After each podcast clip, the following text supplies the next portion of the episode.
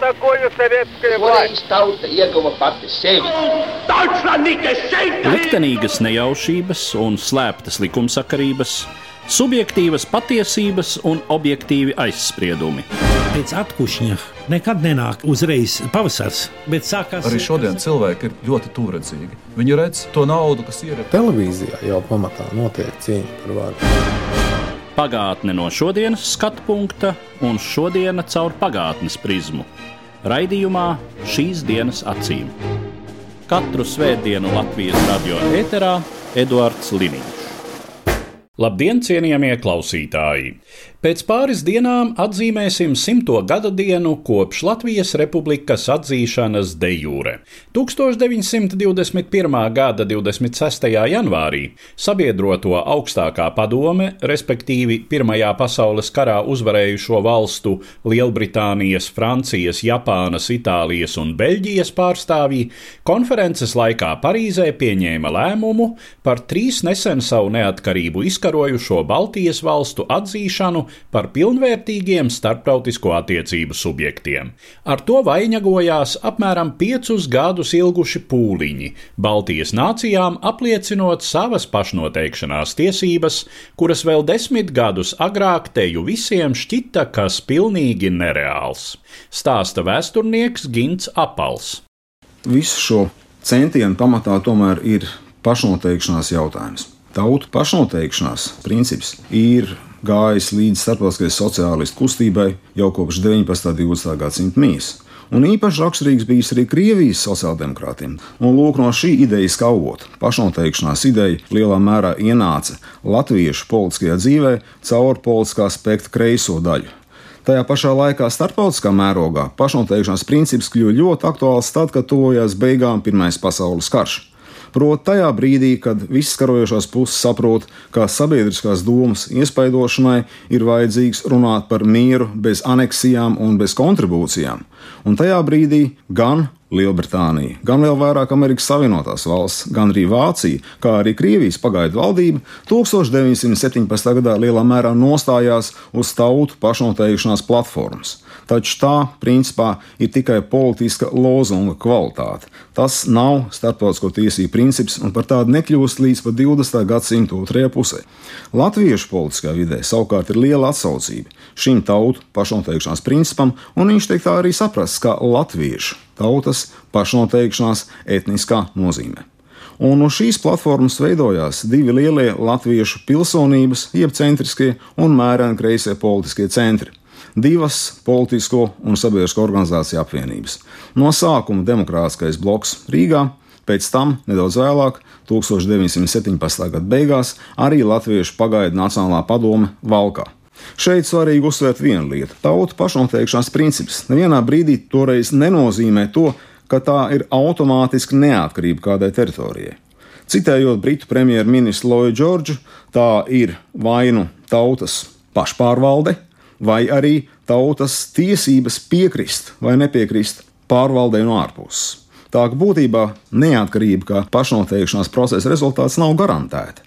Un abām šīm struktūrām, gan demokrātiskajam blokam, gan Nacionālajai padomē, ļoti ilgstoši dokumentos nav konceptuālas skaidrības, uz ko tad īsti latviešu pilsonības politiskā doma tiecās. Vai tā ir autonomija Krievijas valstī, Vai arī tomēr īpaši pēc komunistu apvēršana Krievijā ir jātiecās uz pilnīgu neatkarību. Tas lielā mērā arī uzstāda jautājumu par abu struktūru, demokrātiskā bloka un Nacionālās padomas leģitimitāti. Kara apstākļos Latvijas teritorija dalīta. Šeit nav iespējamas vēlēšanas visā Līdz ar to nav iespējama arī tautas gribas izpausme. 1917. gada rudenī notiek Vidzemes zemes padomas vēlēšanas, kas būtu vienīgais vēlētais, demokrātiski vēlētais, leģitīmais pārvaldes orgāns. Un lūk, Vidzemes zemes padomas vēlēšanās vairākumu iegūst komunisti. Zemes padoma nekļūst par platformu, lai formulētu Latvijas autonomijas un vēlāk arī neatkarības centienus. Paralēli izveidojās arī padomju valstiskums, Latvijas strādnieku, karavīru un bezzemnieku deputātu padomas republika, tā saucamais izkolats, kurš reāli pārņem varu vidzemē, un kurš arī vēlāk būtībā aizliedz Latviešu pagaidu Nacionālajai padomē turpināt darbu Valkā. Un tieši tāpēc Nacionālā padome ir spiesta strādāt nelegāli Pēterburgā. Abas apvienības, gan Demokrātiskais bloks, gan pagaidu Nacionālā padome, ir politisko partiju un padomus gadījumā arī dažādu sabiedrisko organizāciju apvienības, kas pilnīgi noteikti pārstāv sabiedrības mazākumu, politiski aktīvo slāni, tiesa ar lielu intelektuālu potenciālu. Bet tas, kas pieder šīm abām organizācijām, ir šī drosme. Drosme uzņemties tālu ejošu politisko ideju virzību arī situācijā, kurā trūkst tieši atbalsta, kur jāstrādā nelegāli un kur trūkst šīs leģitimitātes, lai prasības uzstādītu jau Krievijas impērijas mērogā, jeb arī varbūt starptautiski. Turpina vēsturnieks Latvijas Universitātes Latvijas Vēstures institūta vadošais pētnieks Ainārs Lerhis.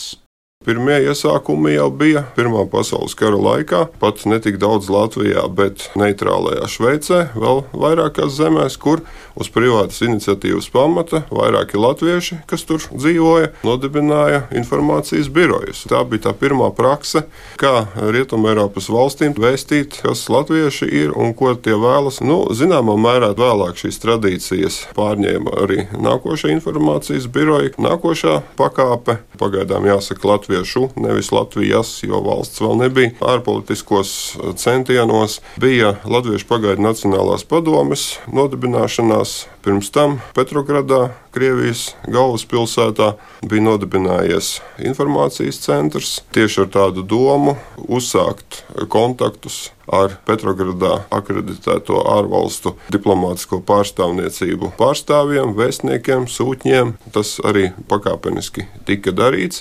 Un pēc Latvijas pagaidu Nacionālās padomes nodibināšanās 17. gada novembrī šis informācijas birojs tika pakļauts šai Latviešu pagaidu Nacionālajai padomē, kas toreiz nebija nekādā ziņā vēl parlaments, jo vēlēšanas nevarēja sarīkot, bet tomēr tā bija Latviešu pilsonisko partiju pārstāvja pārstāvi veidota iestāde, tad brīdī arī uzskatīja, ka šī iestāde pārstāv nu, nelielinieciski noskaņoto tautas daļu, viņi, protams, uzskatīja, ka viņiem ir zināmas tiesības un zināms mandāts latviešu tautas vārdā runāt, un tika uzsākts tātad kā viens no galvenajiem virzieniem vispirms informācijas darbs par Latviju. Tika nosūtītas pirmās vēstules Antantes sabiedroto pārstāvjiem Petrogradā, Lielbritānijas, Amerikas Savienoto Valstu, Francijas pārstāvjiem. Antantas lielvalstis sekoja situācijai Krievijā. Krievija arī gandrīz visu Pirmā pasaules kara laiku bija Antantas lielvalsts. Tomēr pēc padomu varas nodibināšanās Petrogradā Krievija paziņoja, ka aiziet no šīs alianses, bet rietumvalstu diplomāti uzturējās Krievijā, un tas bija jāizmanto latviešu pārstāvjiem, lai nodibinātu, var teikt, tautas diplomātijas kontaktus tika nodibināta pie Latvijas pagaidu Nacionālās padomas Petrogradā speciāla ārlietu nodaļa un pārstāvji Jānis Goldmanis, Jānis Seskis, Adolfs Dobelis, vēl vairāki pārstāvji. Vēlāk arī šim darbam pieslēdzās vēlākais pirmais Latvijas ārlietu ministrs Zikfrīds Anna Mērovics, kurš sākumā gan bija Latvijas pagaidu Nacionālās padomas finansu nodaļas vadītājs. Nu, katrā ziņā šis darbs notika, protams, ne bez grūtībām, jo ņemsim vērā, ka pēc 17. gada oktobra apvērsuma lielinieki Krievijā nostiprināja savu varu. Latvijas pagaidu Nacionālās padomas Pirmā sesija notika 17. gada novembra beigās, kur bija šie nodibināšanās organizatoriskie jautājumi. Vēl netika runāts par pilnīgu Latvijas neatkarību, jo tas bija tāds evolucionārs process.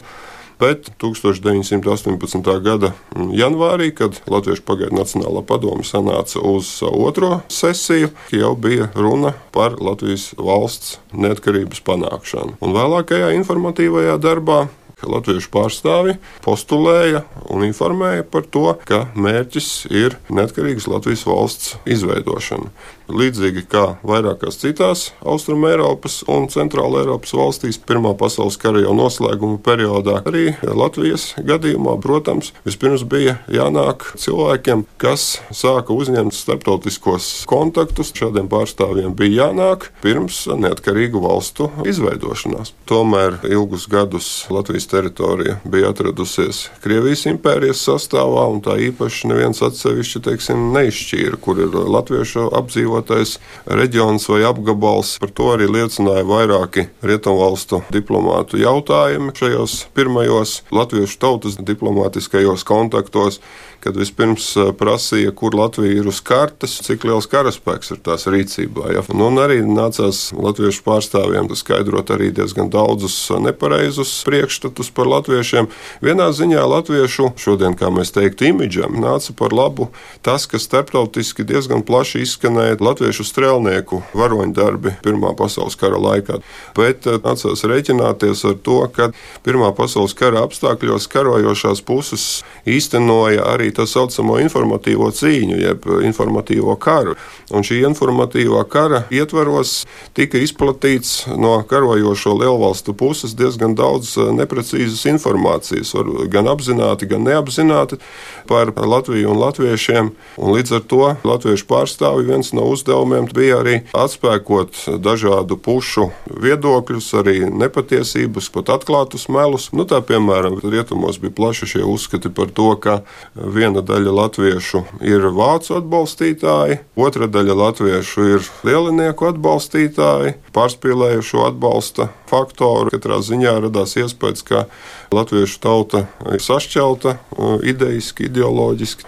Pārstāvjiem tātad nācās skaidrot, ka latvieši ir ne tikai kādu citu valstu vai nāciju mērķu atbalstītāji, bet to, ka latviešiem pašiem ir savas intereses. Nelielām valstīm kādreiz par iekļūšanu starptautiskajā informatīvā telpā ar tādu domu, lai vēl pie tam šī informācija izskanētu objektīvi, ir nopietni jāpiestrādā un speciāli jāskaidro. Latviešu gadījumā bija ļoti svarīgs arī šis informatīvais darbs, kas protams, tika veikts sagatavojot Latviešu pagaidu Nacionālās padomas ārlietu nodaļai diezgan daudzus memorandus, biļetenus, kā šodien teiktu, arī faktu lapas, ko arī piesūtīja Rietumu valstu vēstniecībām.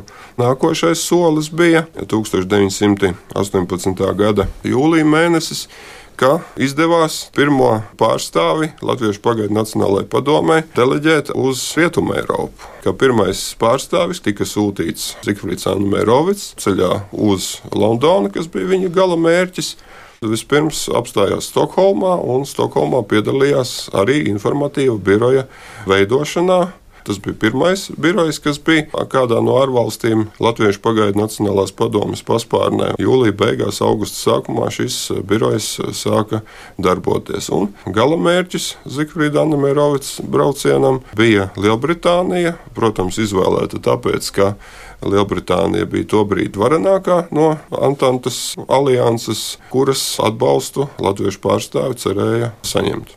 1918. gada augustā Zikfrīds Anamērovics, kā Latviešu pagaidu Nacionālās padomjas pilnvarots pārstāvis, ierodas Londonā un uzsāk saraksti ar Britu Foreign Office, Britu ārlietu ministriju. Viena no pilnvarām kas Zikvidam Andrejam Merovicam bija dota līdzi, bija izmantot visas iespējas, lai panāktu Latviešu pagaidu Nacionālās padomes atzīšanu. Britu dārpolitiskā līnija tajā brīdī paredzēja interesi un, un iesaistīšanos Baltijas situācijas risināšanā, un vairāku mēnešu laikā šī saraksta attīstījās tik tālu, ka 1918. gada 23. oktobrī Zifrits Anamērovics tiek audiencē pieņemts pie Britu ārlietu ministra Lorda Belfūra.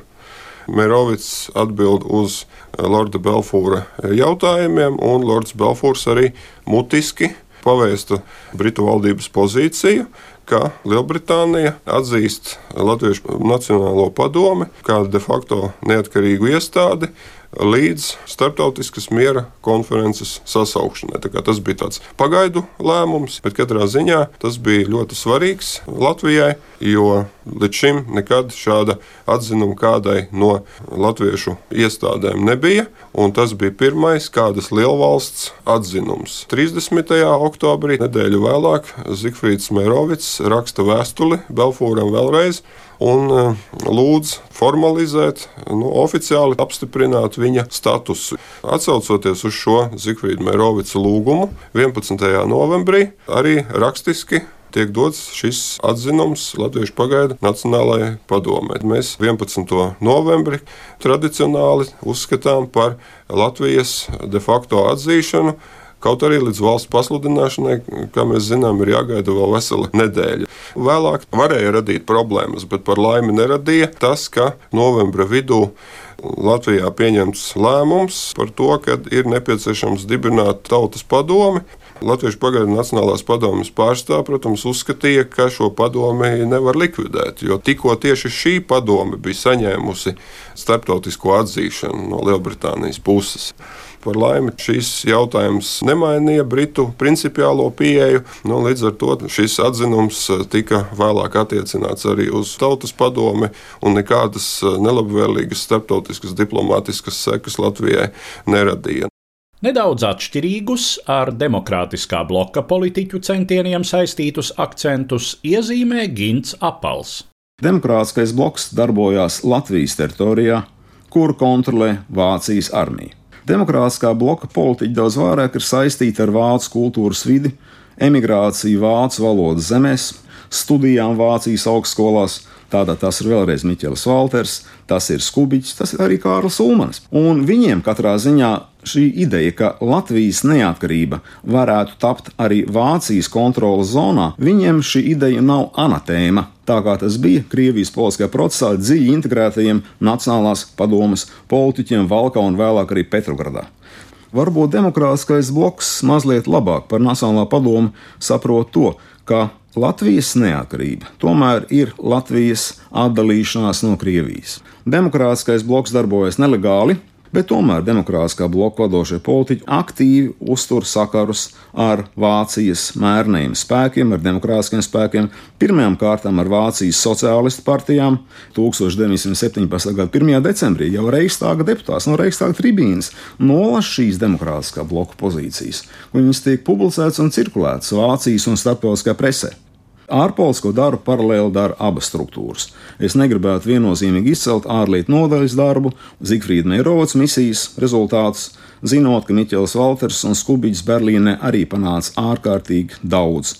Viņi spēja apelēt tiešā veidā pie daudziem vācu politiķiem, pie Vācijas kanclera 1918. gada oktobrī, un tādā veidā viņi nodrošināja to, ka Vācijas demokrātiskā valsts uzreiz pēc Latvijas neatkarības pasludināšanas sniedza praktisku, reālu atbalstu šīs valsts veidošanai un militārai cīņai pret komunistiem.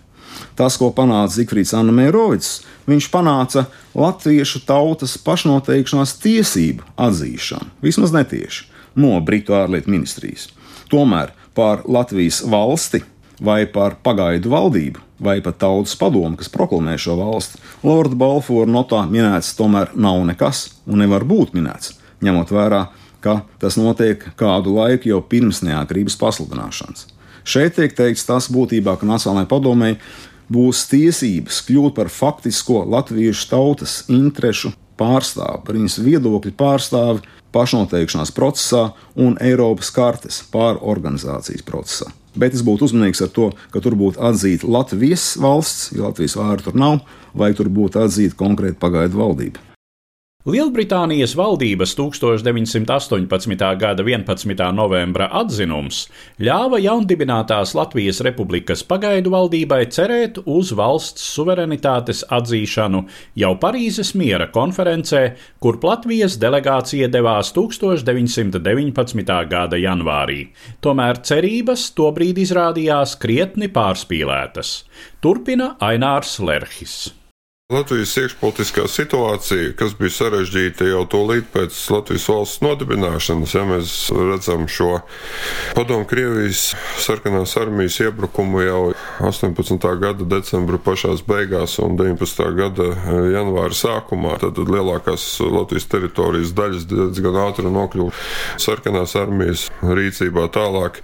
Vairāk kārt 19. gada pirmajā pusē mainās šī ģeostrateģiskā, ja tā var var teikt, militārā arī situācija Latvijā vienu brīdi vispār pastāv pat uh, trīs valdības. Ulmaņa valdība uz kuģa reidā Liepājā, tālāk uh, Andrija Niedras valdība un Pēteras Tučkas valdība. Ja, tad šī neskaidrība, kas īsti uh, notiek Latvijā, par to arī pagaidu valdības pārstāvjiem un jaunajiem diplomātiem, tā skaitā šai Latvijas delegācijai Parīzē, tad bija nepārtraukti jāskaidro, ja tīpaši atkal neskaidrības radās pēc 1919. gada 16. aprīļa apvērsuma, Niedras valdības izveidošanas.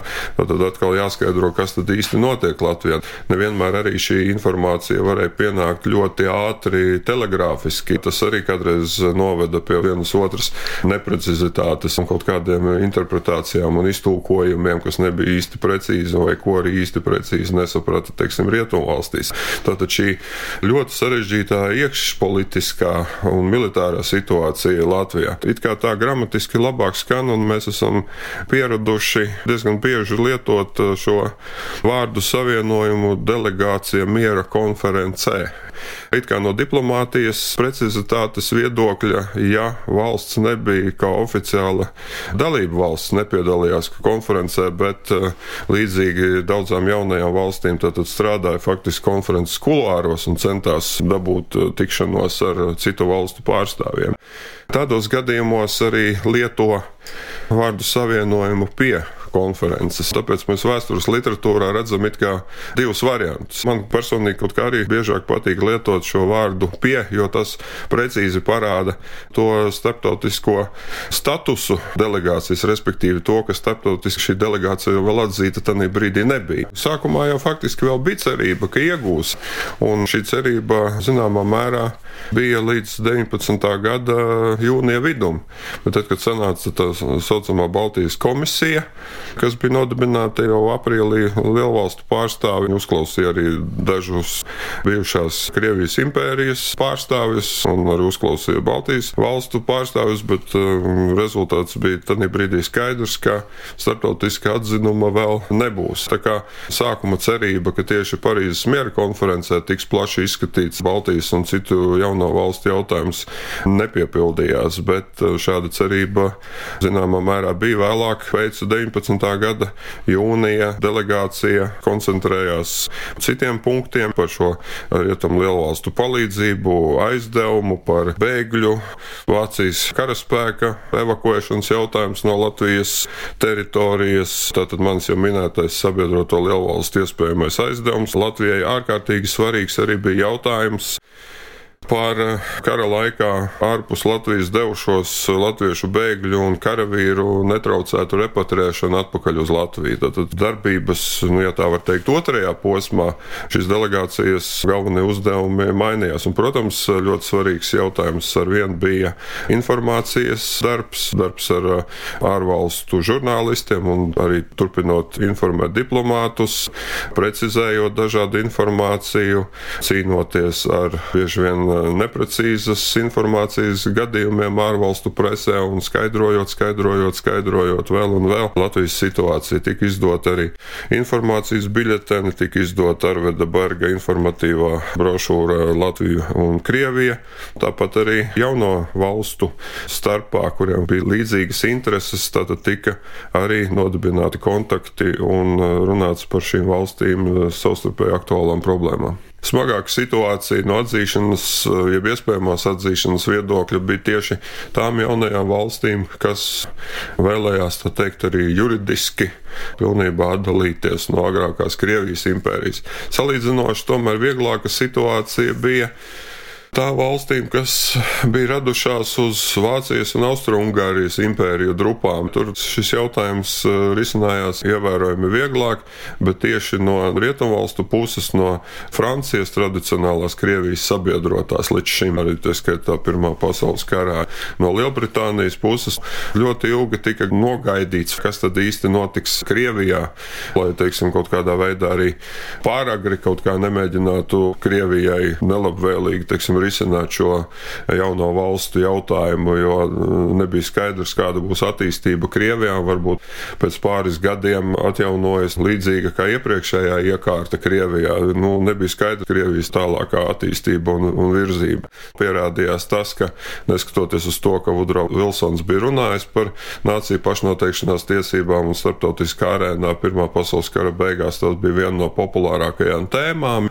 Bija skaidrs, ka ne uz visām nācijām reāli tiks attiecināts šis nāciju pašnoteikšanās princips, un šeit būs uh, ļoti sarežģīti īstenot šo principu. Turpinājumā Ginta apala skatījums. Valsts ir veidošanās stadijā, un loģiski, ka arī viņas diplomātskais dienas ir veidošanās stadijā. Tā ir tāda valdības delegācija, kur vada Jānis Čakste, kurš vienlaicīgi ir tautas padomus priekšsēdētājs, faktiski valsts galva ar valdības pilnvaru un tautas padomus pilnvaru. Tad arī Zifrits Mērovics, kā ārlietu ministrs ar valdības pilnvaru, un Jānis Seskis kā trešais valdības pilnvarnieks. Darbā Parīzē viņi piesaista lielu skaitu dažādu ekspertu. Tas tiešām ir drusku neformāls darbs, bet tas ir šīs Latvijas diplomātskais proto-dienests.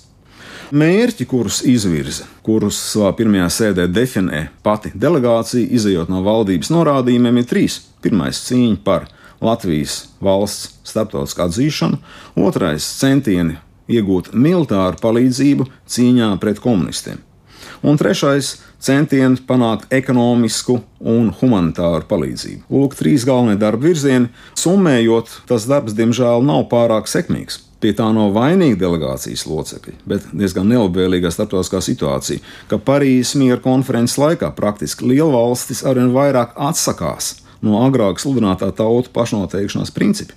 Līdz ar to pašu sākotnējais atbalsts arī latviešu centieniem, kas izpaudās Balfūra notā, viņš sāk pamazām izzust, kas ļoti svarīgi 1919. gada maijā. Piecas Antānas valstis kolektīvi raksta notu admirālim Kolčkam, kurā paskaidro savu pozīciju. Un tajā notā ļoti skaidri izpaužās tas, ka viņas joprojām atbalsta vienotu Krieviju. Krievijas vienotās brīvās Krievijas tautas vienas tautas tiesības lemt savu likteni nākotnē caur Krievijas satversmes sapulci. Tā ka šajā brīdī pēc šīs nostādnes ir būtībā atbalsts Latvijas pašnoteikšanās centieniem ir palicis labākā gadījumā pusceļā, ja nesācis iet pretējā virzienā.